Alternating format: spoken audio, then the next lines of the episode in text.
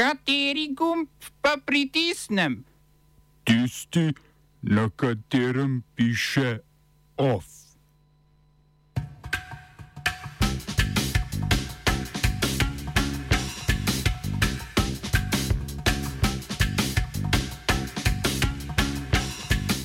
Novozelandska premijejka Jacinda Ardern napovedala odstop.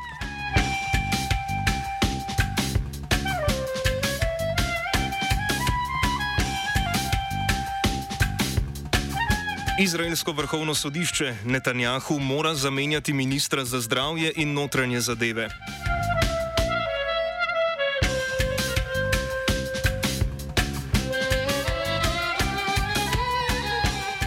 Pentagon ameriškim silam v Južni Koreji naložil dobavo vojaške opreme v Ukrajino.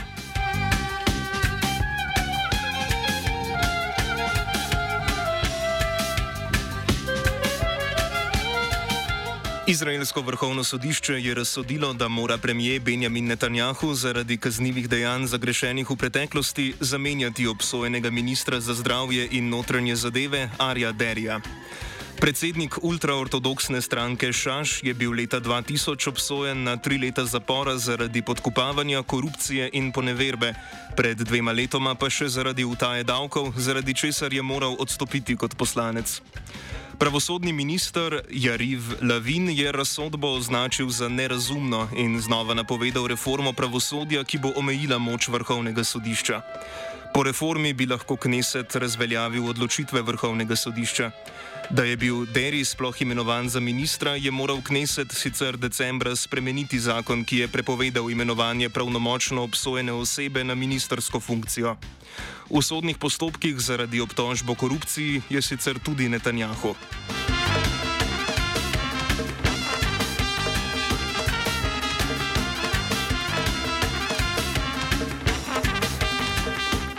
Ameriško obrambno ministrstvo je ukazalo premik dela vojaške opreme iz Južne Koreje v Ukrajino. Ameriška vojska ima v Južni Koreji približno 29 tisoč pripadnikov, vodstvo tamkajšnje izpostave pa ni izdalo informacij o količini in vsebini paketa vojaške pomoči. Ameriška vojska sicer potrjuje, da ta poteza nima nobenega vpliva na njene operacije v tej azijski državi. Južna Koreja ni edina država, ki trpi pomankanje ameriške vojaške pomoči, saj so ZDA v Ukrajino preusmerile tudi v Izraelu skladiščeno orožje in streljivo.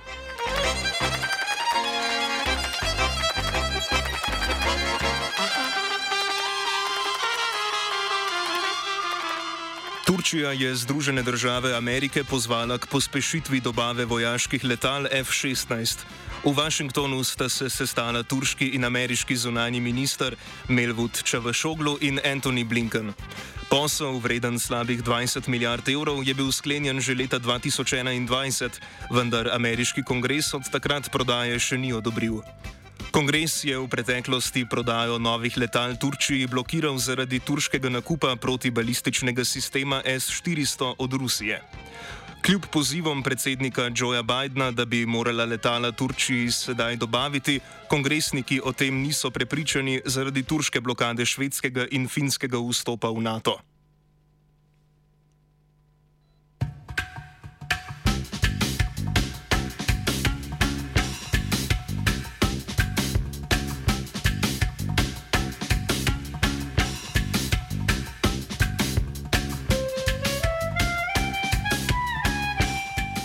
Novozelandska premijejka Jacinda Ardern je napovedala, da bo najkasneje do 7. februarja odstopila.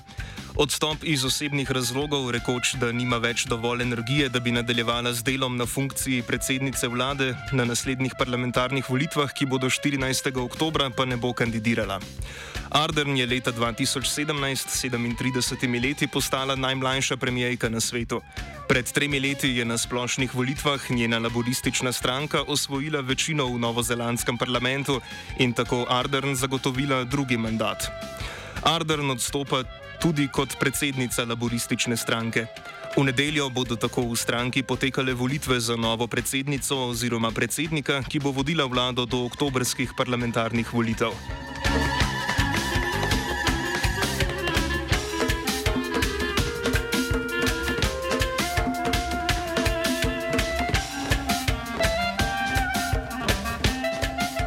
Britanski poslanci spodnjega doma parlamenta so podprli načrte vlade, da do konca leta odpravi vse preostale zakone Evropske unije, ki so še del britanske zakonodaje.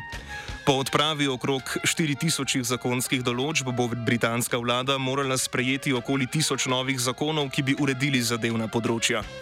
Poteza je naletela na več kritik. Opozicija predlaga podaljšanje roka odprave zakonov do leta 2026, s čimer naj bi želeli zaščititi pravice delavcev. Okoljevarstvene organizacije pa opozarjajo na nižanje okoljskih standardov z odpravo zakonov na primeru kakovosti vode, onesnaženosti zraka, kemikalij ali energetske učinkovitosti. Zakon mora prestati še glasovanje v zgornjem domu parlamenta.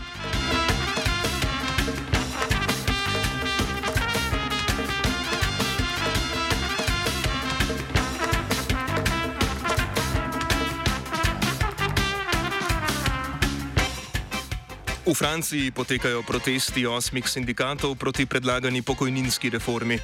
Po podatkih državnega železniškega podjetja je po Franciji odpovedana večina vlakovnih prevozov, vključno z nekaterimi mednarodnimi povezavami. Približno 20 odstotkov letov z pariškega letališča Orly je odpovedanih, letalske družbe pa opozarjajo na zamude. Vlada Elizabeth Born bo v ponedeljek uradno predstavila predlog pokojninskega zakona, ki bo prihodnji mesec predložen parlamentu. Zaposleni bi morali po novem zakonu delati dlje, preden bi dobili pokojnino. Zakonska upokojitvena starost bi se po predlogu vlade namreč zvišala z 62 na 64 let.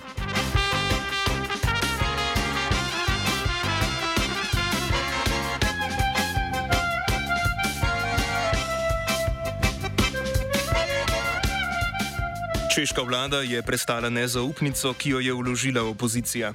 Po 25-urni razpravi je za nezaupnico glasovalo 81 poslancev, za njen uspeh pa bi bila potrebna podpora vsaj 101. Vladna koalicija petih strank ima v 200-članskem parlamentu sicer večino 108 poslancev. Vlada Petra Fiale je tako preživela že drugo nezaupnico v svojem mandatu.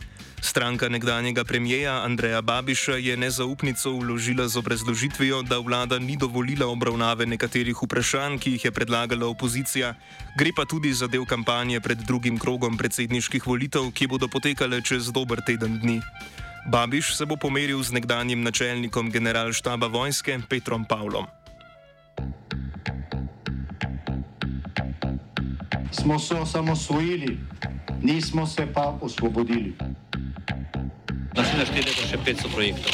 Izpiljene modele, kako so se strani nekdanje LDS rotirali. Ko to dvoje zmešamo v pravilno zmes, dobimo zgodbo o uspehu. Takemu političnemu razvoju se reče udar. Jaz to vem, da je nezakonito, ampak kaj nam pa ostane? Brutalni obračun s politično korupcijo. To je Slovenija, tukaj je naša zemlja, to je Slovenija, Slovenija, Slovenija.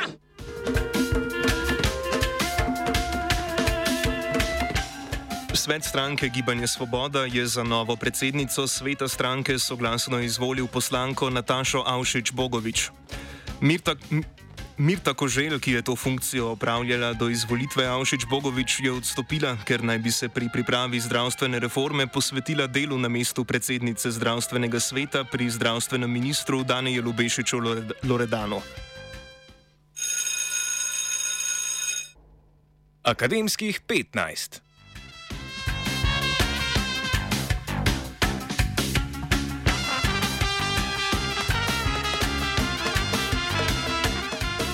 Kot smo poročali prejšnji teden, sta vlada in SWIZ, sindikat vzgoje in izobraževanja, potrdila dogovor, ki je pomočnice vzgojiteljice povzdignil iz 22. v 26. plačni razred.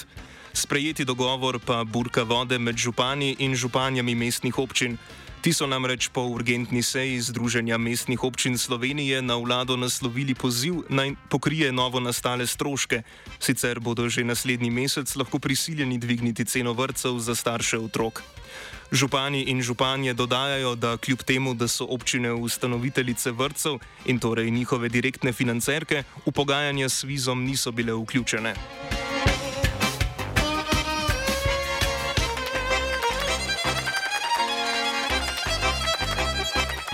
Silvija Komočar, predsednica Skupnosti vrtcev Slovenije, v izjavi za naš radio ob tem povdarja, da bo poleg povišanja stroškov dela tudi zvišanje cen energentov in živil gotovo vplivalo na višino sredstev, ki jih občine namenjajo vrtcem, prav tako pa tudi na zvišanje cene vrtcev za starše.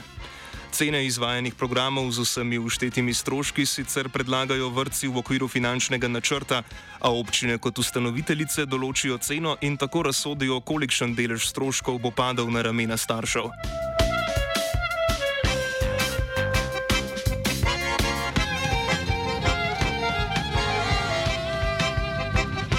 A vse kaže, da pričakovanja županov in župani ne bodo tako gladko izpolnjena. Ministrica za javno upravo Sanja Ajanovič-Hovnik je komentirala, da je bila pred nekaj meseci sprejeta najvišja povprečnina doslej. Znesek, ki ga občina dobi iz državne blagajne na prebivalca, tako trenutno znaša 700 evrov, kar naj bi po mnenju Ajanovič-Hovnik moralo pokriti nove stroške plač pomočnic vzgojiteljic.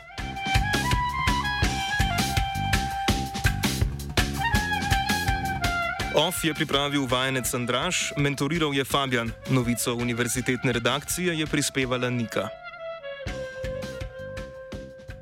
Čez drn in strn bežim, da radio študentu lovim. Kar pokvečkajega.